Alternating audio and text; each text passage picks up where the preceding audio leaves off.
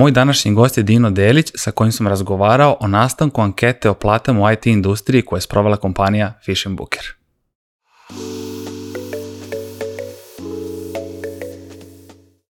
Pozdrav ljudi, dobrodošli u novu epizodu Netokracijanog Office Talks podcasta. Moje ime je Marko Crnjanski, a pre nego što krenemo samo mali podsjetnik da se pretplatite na naš YouTube kanal kako biste bili u toku sa novim epizodama koje izlaze svaku četvrtka, dok Office Talks možete pratiti i putem audio kanala kao što su Deezer, Spotify, Apple Podcast, Google Podcast i drugi. A, moj današnji gost je Dino Delić, Chief Operating Officer i partner u kompaniji Fish Booker. Dino, dobrodošao. Bolje te našao. A evo, drago mi je da konačno, kažem, i kroz podcast možemo da pričamo malo o Fish Bookeru generalno, a i ova epizoda je, eto da kažem, nekako namenjena, a, mislim, korona tema epizode zapravo jeste anketa, velika anketa o platama a, u IT-u koju ste sproveli i objavili, o kojoj smo i pisali na netokraciji, naravno link će biti u opisu ovog videa. Uh, tako da hvala ti što si se odazvao uh, da gostuješ u ovoj epizodi, svako ćemo to proći, ali evo nekako za početak bi mi bilo drago da malo više uh, se osvrnemo na to kako Fishing Booker danas izgleda. Ja se sećam da smo poslednji intervju imali sa Vukanom Simićem 2019. godine, pa eto čisto kao neki uvod da vidimo gde je Fishing Booker danas, koliko ljudi ima, um, kakve su posete i tome slično. Znači, eto, čisto neka statistike. U Nešto tako. malo uvod. E, hvala, yes. hvala na pozivu, hvala na podršci za anketu, značile. E, a što se tiče fishing bookera, a, sad nas je 140, m, do kraja, recimo marta će biti 145, tu planiramo da, da stanemo na neko vreme, da stabilizujemo uh, hiring, da se potpuno fokusiramo interno na, na našu ekipu i tu smo što se tiče ljudi. Od 2019. se struktura firme promenila gde smo bili manje inženjerska i produkt firma, svega 30% ljudi je mhm. tada uh, bilo u, u tim departmanima. Sada je taj odnos negde bliže 55-60% u korist R&D-a, tako da je to neka, neka promena. Uh, 2019. i dalje nismo imali tim lidere ovaj, u svakom timu, nego je bilo i radiš operativno i tim leaders i to je imalo svoje izazove i sa time smo se susreli onog trenutka kad smo skočili s 80 ljudi na, mm. evo danas, 140. Uh, tako da to je, to je gde je negde Fish and Booker, sada radimo na tome da dobro prioritizujemo, da dignemo performanse, da kultura bude -hmm. onakva kako je, jel te i bila u ranim fazama. Tako da to su neki naši izazovi, a, jer nije lako kada ti skoči organizacija za maltene duplo, da zadržiš tu kulturu koju si imao, pogotovo taj neki startup duh, gde je do 2019. rast ljudi bio značajno sporiji i mogli su ljudi da budu u toku sa biznisom, sa, da razumeju industriju i bili su zainteresovani za to, nisu svi a, inženjeri a, uvek zainteresovani, to mora da se razvije ta neka ljubav prema industriji, prema proizvodu, tako da to je sve neko vreme, ali ključno je da ima još mnogo da radimo i da učimo i rekao bih da, da svaki put treba te bude pomalo sramota tebe od prošle godine. Da, ovaj, eto, lepo rečeno, da. E, kaži mi, većina tih ljudi je odavde u Srbiji, ali tako? Ovaj, da. E, pa jest, da. E, imamo samo jednu zaposlenu u Americi, a ostalo su sve ovde u Srbiji. Mislim, mešana ekipa u smislu ima stranaca, ima naših ljudi, ali smo svi u locirani zvanično u kancelariji u Beogradu, imamo ljude koji rade remote, tako da ima, ima svega pomalo. Jasno. E, kaži mi, što se tiče nekih poseta i tome slično, koje tržište ovaj, za vas? Ono, pretpostavljam da je verovatno to SAD, ali da, verovatno i, i Evropa je tu svakako uključena. Da, Amerika predominantno, zapravo Evropa je tu značajno manja. E, u Evropi se ne peca ni približno na taj mm. način kao u Americi, mislim na brodu, a to je onaj yes. biznis kojim se mi bavimo. Pardon. Tako da imamo preko milion poseta mesečno van sezone, u sezoni to više estruko raste, pošto je biznis jako sezonalan. A, logično je kako dođe leto, svi hoće napolje. A, I imamo blizu 10.000 listinga, odnosno nekih a, biznisa koji nude svoje usluge. Tako da je to otprilike neko stanje fishing bookera i to svake godine ima neki svoj trajektorijum rasta. Sad vidjet ćemo kako će ovo sa, sa, sa svetskom ekonomijom da izgleda. Jeste, e upravo sad kad to pominješ je evo da kažem neka tema i naših podcasta prethodnih epizoda ili tekstova na netokraciji, generalno o tome se priča i sam pratiš evo šta se dešava, da dolazi da je neki novi talas otkaza u SAD-u i to u velikim gigantima, uh, A, pre svega, zaista dosta mi je drago da vam s poslednje strane ide sjajno i naravno samo napred. A, ali evo, ti neko ko si stvarno na nekoj odgovornoj poziciji u jednoj IT kompaniji, kako ti generalno gledaš na sve ovo što se dešava? Ne samo na globalu, nego i na lokalu, jer prosto sve se to nekako preslika. Taj talas da. je došao i ovde. Da, pa rekao bih za početak da je kriza svetska i sve što je svetsko, vel se preliva, preliva se i na nas. Uh, I nije vezano samo za IT industriju, vezano je za sve industrije, dakle otkaza ima svuda, prosto ima manje posla. Kako vidim te stvari? Pa vidim da, da će nastaviti, da, da ide u istom pravcu. Mm -hmm. uh, rekao si, drago ti je da nam ide sjajno. Mislim, ide nam dobro. Sjajno nam je išlo pre nego što je krenula kriza. Mi operišemo trenutno u tržištu koje gubi 15% uh, volumena 2022. Mm -hmm. i 2023 svake godine, dakle po 15%. Da. Tako da operišeš u jednim nezahvalnim uh, nezavidnim uslovima. Da. Nezavidnim da. uslovima. Ono što je super jeste da mi i dalje rastemo kao firma uprkos tim uslovima, dakle uzimamo veći market share, uh mhm. -huh. ali nije, nije sjajna situacija. S druge strane, to je prilika zato što, jel te, kada, kada radiš stvari a, koliko toliko kako treba, ovaj, imaš neku prednost u odnosu na ostale. A, ne vidim da će da se popravi situacija pre 25. sredine, možda i kasnije. Imamo izbore, hm. skoro sam čitao, preko 2 milijarde ljudi ove godine izlazi na neki vid izbora uh mhm. -huh. u svetu. Imamo Ameriku, naravno nešto što će da diktira. I najuticajnije, da. najuticajnije, apsolutno. no. Imamo Evropsku uniju koja bira parlament. Uh -huh. uh, imamo Britaniju koja će krajem godine ili početkom sledeće da bira isto svoj parlament ili kako se već zove. Dakle, gomila država koje su od velikog uticaja menjaju neku strukturu i samim tim sumnjam da će des, se desiti nešto ekonomski drastično što će poboljšati situaciju. Tako da, bit će loše i mislim da će da bude lošije i imaš, na primjer, ovu Federal Bank of New York, mhm. koja zadnjih 60 godina nije promašila ni jednom kada će da bude recesija. Misliš prognozu, da? Njihovu prognozu, da, da oni u godinu dana otprilike pogađaju i trenutno im je predikcija januar 25. kreće zvanično Amerika u recesiju sa 60% tačnosti. Mm. I sve je pitanje vremena kada će to da krene. A, ali sve, sve će zavisiti od novembra 24. kada su Trump vs. Biden. Da, opet će i... da bude, da, da, trka ozbiljno. Tako je. da. Uh, ovaj, te da, da, e, mislim, ono što sam teo svako da te pitam jeste, da li smatraš da su kompanije grešile možda u nekom pogledu ovaj, mm -hmm. svega? Da li je to bilo neko možda preterano zapošljavanje, prenaduvane plate i tome slično, ali pre svega to neko preterano zapošljavanje ili su nisu se dobro možda izračunali ili, ili dobro predvideli čitavo. Ovo što sledi, opet treba pomenuti geopolitičku situaciju koja utiče na sve ovo. Sve, sve se si dobro rekao. sve, sve si dobro, ovaj, mislim, očito si u tematici.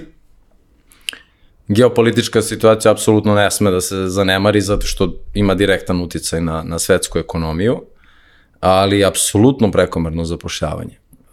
Za, to ima malo veze i sa ljudskom alavosti. Znači, mm -hmm. svi smo mi pomalo alavi, uvek hoćeš nešto novo, bolje, više, a, više tako je i, i jako redko se zadovoljiš zapravo onim što imaš i u tome svemu ni ne promisle ljudi da su nam dobri procesi, a, da li nam zaista treba više ljudi, a, da li je okej okay da propustimo ovaj talas prilika i da ne zaradimo sada mm. x novca. Između ostalog, ima ljudi koji svesno to rade zato što im je novac primarni motiv u svemu i apsolutno nemaju nikakav integritet i, i nikakve neke, nikakav moralni kompas. Uh, iz te perspektive samo ulazilo se u hiring, došao si u situaciju da nemaš realnog posla za tu osobu, mm. prvom sledećom prilikom e, kada se ekonomska situacija smirila. Tako da, da ima toga. E, Ima i, i ove situacije sa firmama koje su rasle mm -hmm. ba, na investicijama. Mm -hmm, mm -hmm. Uh, mislim, to su ideje, neretko, mm -hmm. to nisu mhm. biznisi. Yes. I neko digne 2, 5, 10 miliona i zaposli 30 ljudi, sprži te pare za godinu, dve, tri dana, da abnormalno velike plate sprem realnosti, vrednosti koje oni kreiraju, odnosno ne kreiraju, i onda posle godinu, dve, tri dana to je ćao. I onda ti ljudi ostanu bez posla, tako da je to sve doprinelo, ovaj, doprinelo ovome gde smo sada. Znači mi nismo u krizi od 2009. 10. kada. Pa da, A, malte ne. Tako je, korona je predupredila Samo krizu. Samo ubrzala sve to, da. Ona je, ona je zapravo predupredila krizu, znači kreirala je jedan mehur da. uh, i sada smo samo došli, došli na naplatu. Eto, Upravo to. E, da, da li nekako smatraš, e, evo mislim, polako se bližimo i to je nekoj, da kažem, koronoj temi ove epizode, uh mhm. -huh. a to je anketa o platama, pa sam baš kao neki uvod teo da napravim, da ču neko tvoje mišljenje, da li je, ne samo na globalu, nego, nego, nego i na lokalu ovde, e, priča o platama, platama, platama, plate programera, da li je zasluženo, da li nije zasluženo, da li se senior postaje preko noći i tome slično, da bi se samo pravdala ta neka plata, svašta nešto smo slušali, pričali, pisali, Da li je to jednostavno taj neki bubble koji je kad tada morao jednostavno da, da, da pukne? Sve je bubble. se čitava svetska ekonomija, opet se vraća na to na kojim je osnovama rasla, ako pogledamo tu silu investicija koje na kraju završavaju u samo potrošenom novcu, hm. ne znam da, sam, da li 95% startupa failuje ili tako nešto. Veliki broj, da. Da, to i sad ti verovatno znaš i bolje procenat nego ja, ali to je dakle gotovo nikakvo kreiranje vrednosti. Znači ti pržiš novac hm. i samim tim kao je vrlo upitno da li je to onda bubble. A ako neka jako bogata individua, fond ili ne znam e, firma investira u neku drugu e, firmu i da jako dobre uslove, ti moraš da budeš jako konkurentan. Mislim, to je to je naš izazov. Mi imamo mhm. realan biznis koji kreira realnu vrednost, realan novac mm -hmm. i dođe neko sa nula prihoda, nula iskustva, bilo čega i recimo gađa ljude sa 30, 40, 50% većim platama zato što ošte ne kapira kako funkcioniše realan svet. Uh, jer živi u, u tom mehuru.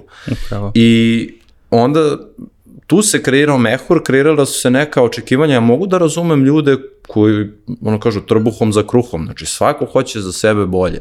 I ako uzmeš u obzir da mali procenat ljudi je preduzetnik ili preduzetnica mm -hmm. i da je takođe mali broj ljudi ekonomski pismen, finansijski pismen, onda možeš da skapiraš da je sasvim prirodno da neko ne gleda uopšte kakvu, kakvu vrednost ja kreiram biznisu, da li ja otplaćujem svoju platu ili kreiram -hmm. ekstra vrednost za poslodavca, da bi on na dugi rok mogao da mi pruži prilike, bolje uslove i slično, nego kaže, ok, Mića ima 10% veću platu od mene, mi se družimo, idemo na kafu zajedno, hoću i ja istu platu. I tu se zanemaruju mm -hmm. razni neki elementi. Znači recimo, mi nismo delini na outsource versus product analizu u okviru ankete. Apsolutno, kogod je u outsourcu uh, treba da zapravo se poigra sa tim uh, podacima koje smo izbacili, tim živim uh, sirovim podacima i da pogleda. Ja mislim da su 10-20% niže plate u outsourcu nego u produktu. Zašto? Outsource zarađuje od razlike u ceni, a, odnosno ima švajcarca kojim je isplativije da plati nekoga u Srbiji, na primjer, 4000 evra bruto, nego da u Švajcarskoj plati 6. Tako Kvalitet će u Srbiji verovatno dobiti možda i jači, uh mhm. -huh. a ne mora da zapošljava, da se bavi administracijom i tako dalje. E onda taj... Faktički ključ u ruke rešenje. Da? Tako je, ključ u ruke rešenje. I onda ti od 4000 evra bruto treba da platiš osobu, znači neto plata plus porezi i doprinosi i onda imaš još efekat koji kaže kancelarija, ostali troškovi, operacioni, uprava, tralala, i ostane ti neka marža. Da. Tvoja realnost je jako nezavidna. Ti možeš da zarađuješ dobro ako radiš sa Amerikom mm -hmm. i možda se još par država na svetu. Sve ostalo, mi smo sada već znatno skuplji po uslugama nego većina zemalja koje nisu ni približno razvijene kao, kao svetske sile. I Koje? tu je sad pitanje, ok, hoće neko da uloži ili neće. E, imaš tu realnost, imaš realnost produkta koji prodaje proizvod. Ti ne mm -hmm. prodaješ razliku u ceni radne snage. Mm -hmm. I ti možeš da platiš više ako si uspeo da nađeš način da generišeš prihode odatle. Eto, rekao bih da, da ima mnogo elemenata koji su doveli do toga da s jedne strane se poslodavci osjećaju isforsirano mm -hmm. da, da daju uh, veća, veće plate, iako im to finansijski nije održivo. Mm -hmm. I imamo s druge strane potpuno nefinansijski održive firme koje kreiraju šum i koje samo čuješ da su otpustile 30, 50, 70 ljudi. I onda sve to kad se uzme u obzir, onda se desi puk Jeste. i, i ostane gomila ljudi bez posla. Da. I tu mislim da je fundamentalno pitanje da se svako zapita, a to je da li ja želim kratkoročno da imam 10, 20, 30% više mm. ili želim da kaskadno napredujem, mm.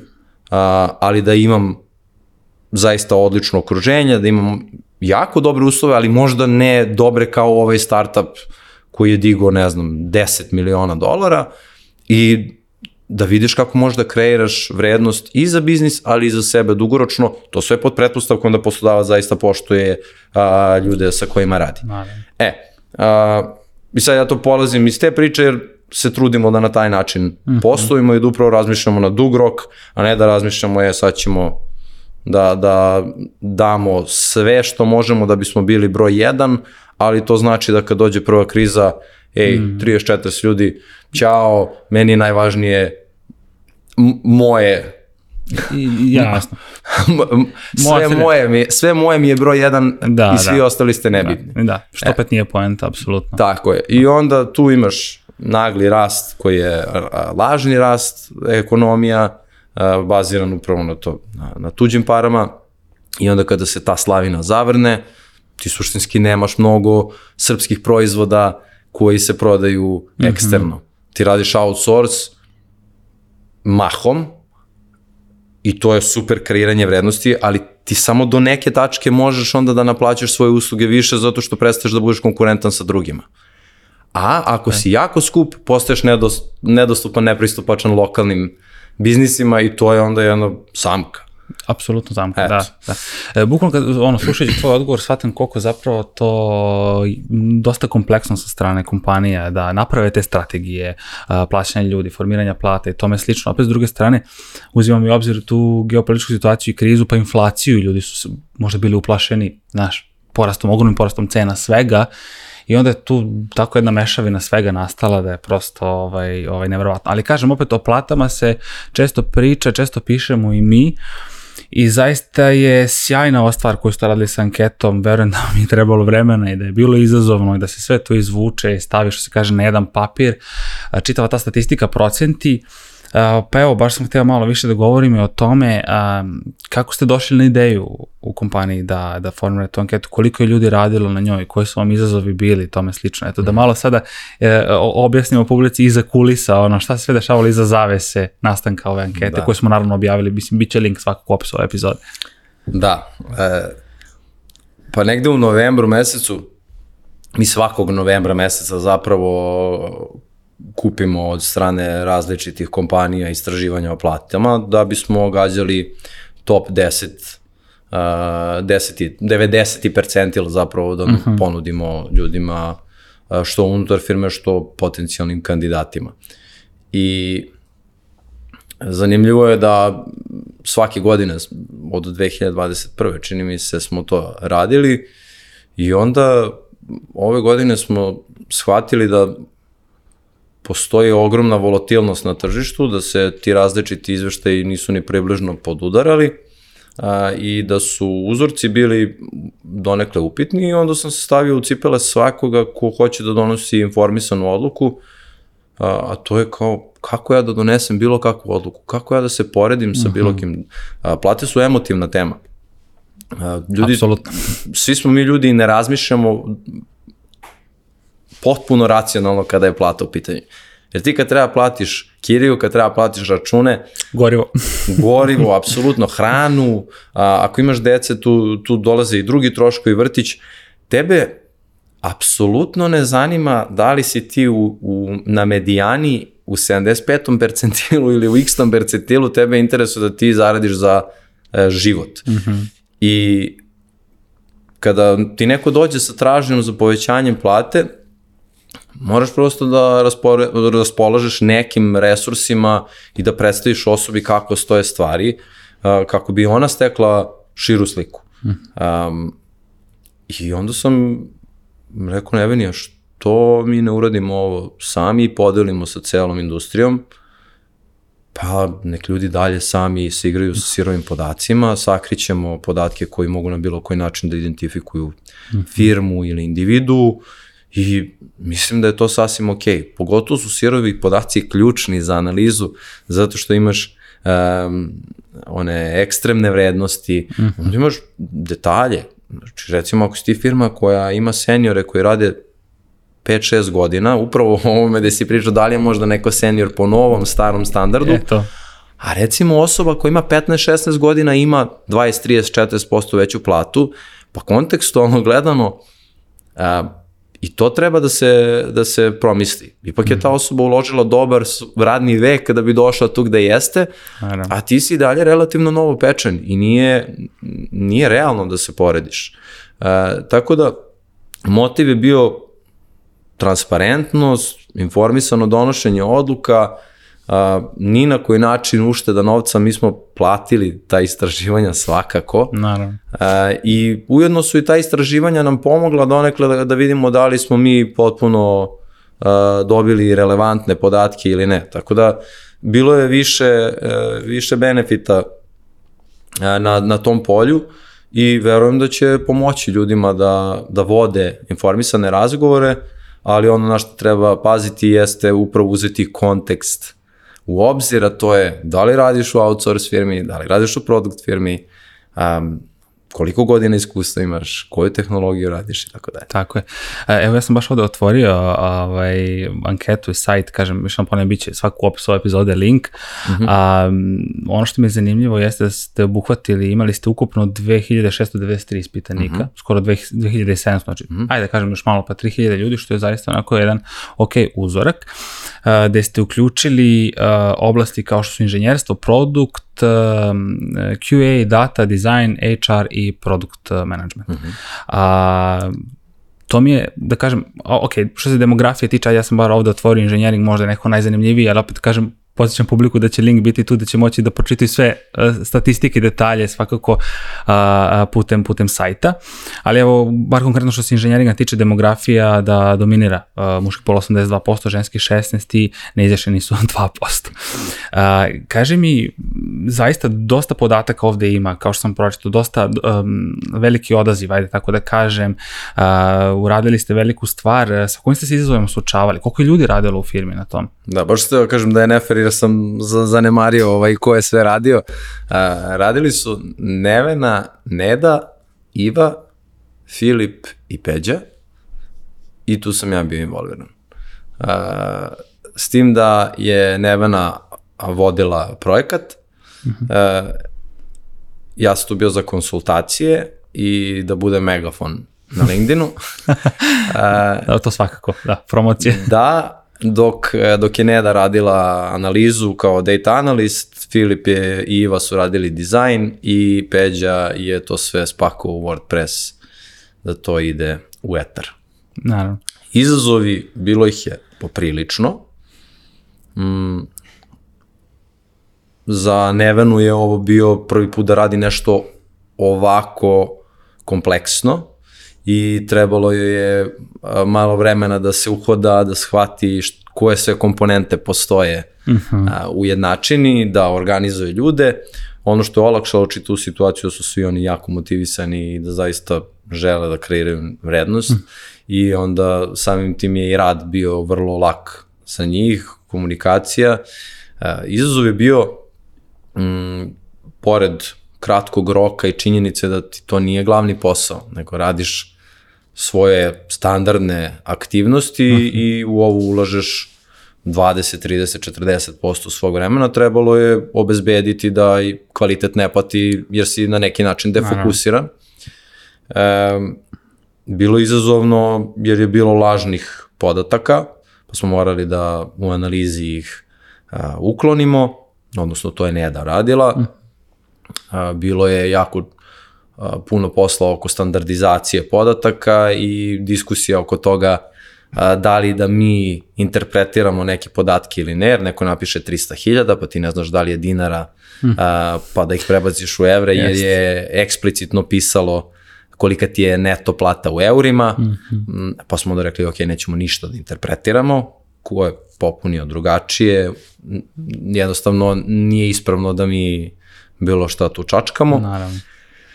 I ovaj, bilo izazovno hendlati ljude nakon što je i, i u toku i nakon što je, su rezultati ankete izašli, potom mislim na community, uh -huh. a, komentare, bilo i malicioznih komentara na Redditu, sad ću ja da stavim 12.500 evra platu, a, sad ću ja ovo, onda neko napiše u anketi, ja smešna vam je anketa, onda to utiče na motivaciju ljudi.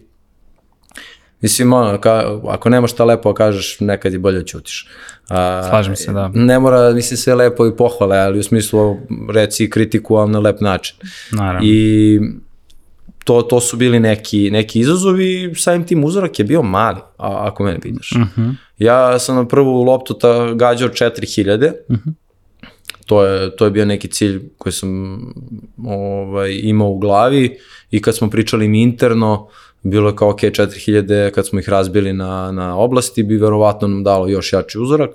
Međutim, kad je stiglo 2700, dok se to počistilo, a bilo je izazovno uraditi detaljnu analizu podataka po raznim oblastima, bilo je, na kraju su ljudi komentarisali moglo je po gradovima, nije moglo po gradovima, nije bilo dovoljno uh, velikog uzorka, za neke pozicije nismo mogli ni po seniornosti uh, da radimo analizu mm -hmm. i tako dalje i bilo izazovno, puno bilo se obrađuju podaci. Znači, vremenski je bilo zahtevno. Opet na posao koji generalno teče standardan. Tako je, i zato smo se odlučili da ne idemo i na support, i na sales, i na, ne znam, na sve druge oblasti koje mogu a, da se nađu u kompanijama u IT industriji u Srbiji. Mm -hmm I mislim da je to bila dobra odluka.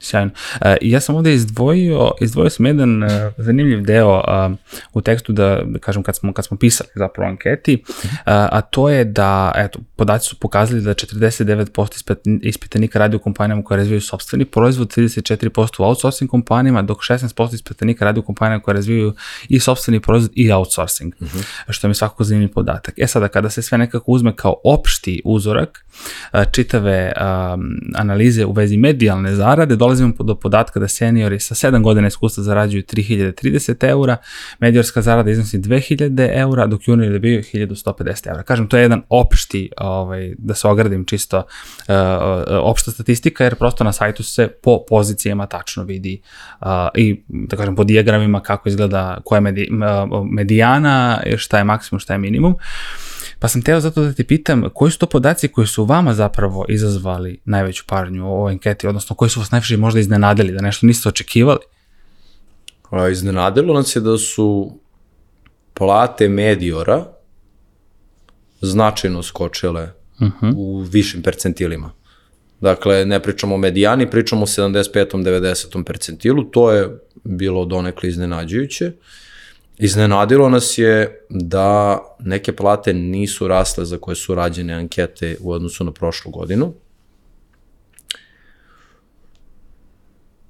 To je manje više to. Nije, nije bilo preteranih iznenađenja, ali iskreno me je iznenadilo da neko sa 2, 3, 4 godine iskustva uh, zarađuje 2,5, 3 hiljade mm. eura uh, za svoj posao prosto onako jedna visoka cifra, a malo radnog staža.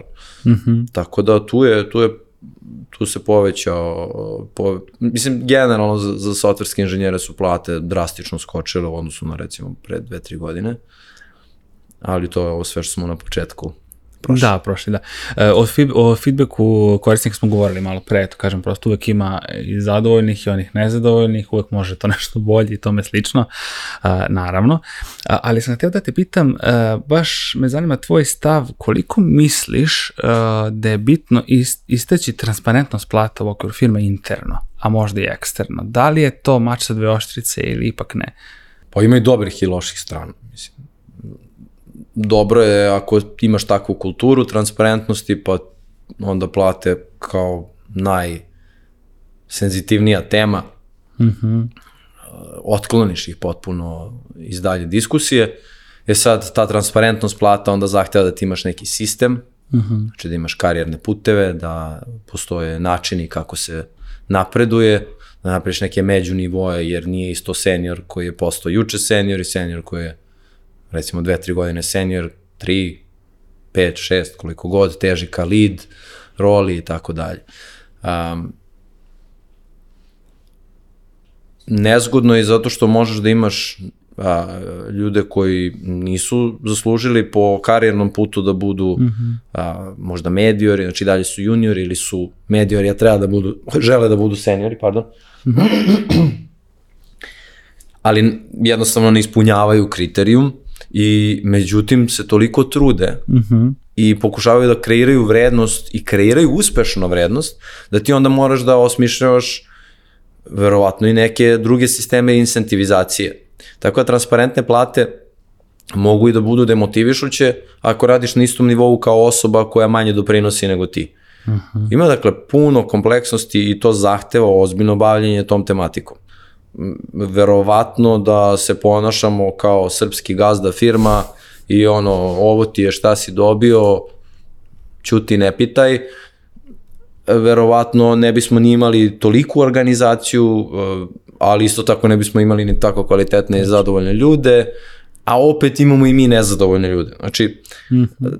Vrlo kompleksna tema koju ja podržavam, mm -hmm. sigurno olakšava, zato što ne želiš da apliciraš za posao neki za koji ne znaš šta možeš da očekuješ, s druge strane želiš da zarađuješ slično ako imaš slične performanse kao kolega ili koleginica, mm -hmm. znači ne želiš da budeš diskriminisan i ima tu još brdo elemenata koji su tu za, Međutim, uh -huh. opet imaš i ove stvari koje su izazovne, koje se tiču potrebe da hendlaš nezadovoljstvo, da kreiraš nove sisteme incentivizacije, da. da uložiš vreme uopšte u razrađivanje tih sistema zato što su to kompleksne teme koje ne možeš onako lizneš prstom i kažeš ok, evo ovako će da funkcioniše jer onda to nema veze sa transparentnošću.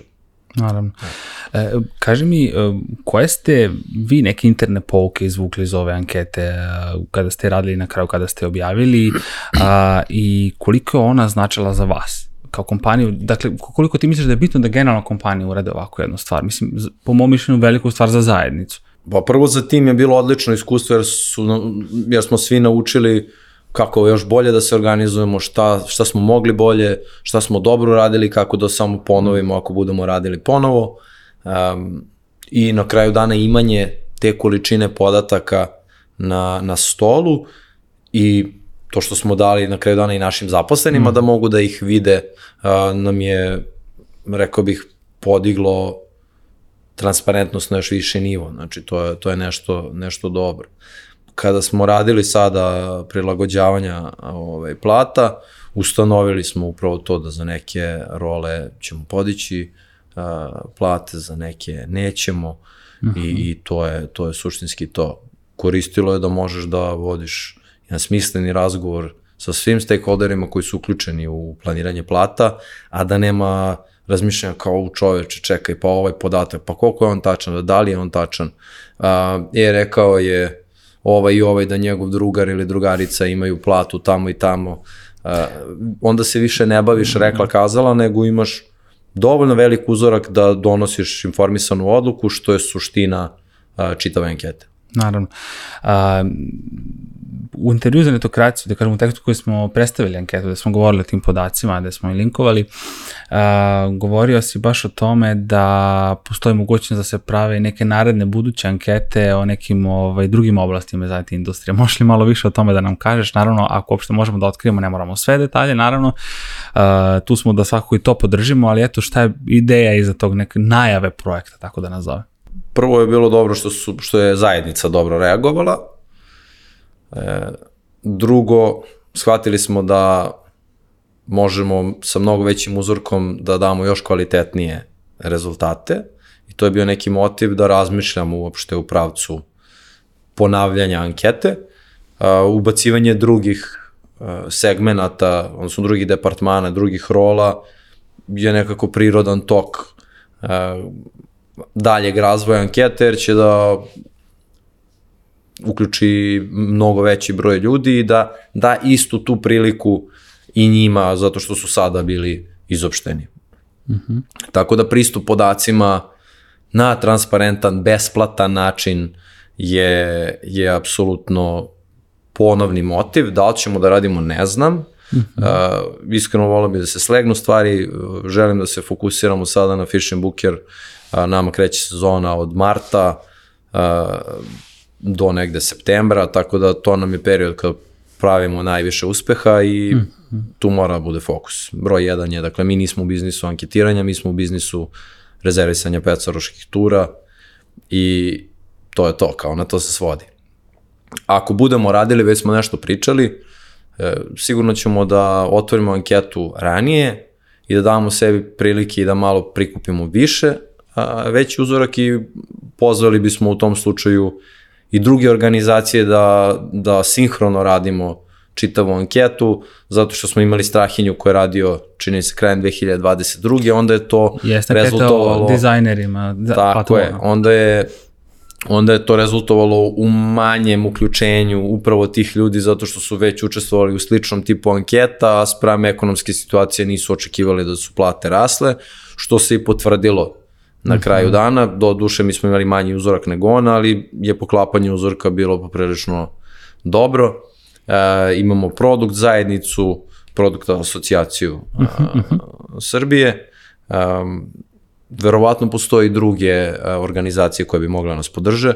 Tu su i firme koje imaju sedište u inostranstvu i one moraju da dobiju eksplicitno odobrenje sedišta svog da bi mhm. njihovi zaposleni smeli da učestvuju u tako nekoj anketi i to su nam bili izazovi, zapravo to sam zaboravio. Uh -huh. um, I voleo bih da nam se pridruže i, i ovi koji su svojim zaposlenima zabranili da učestvuju u anketama bez obzira na to što nisu čekali mhm.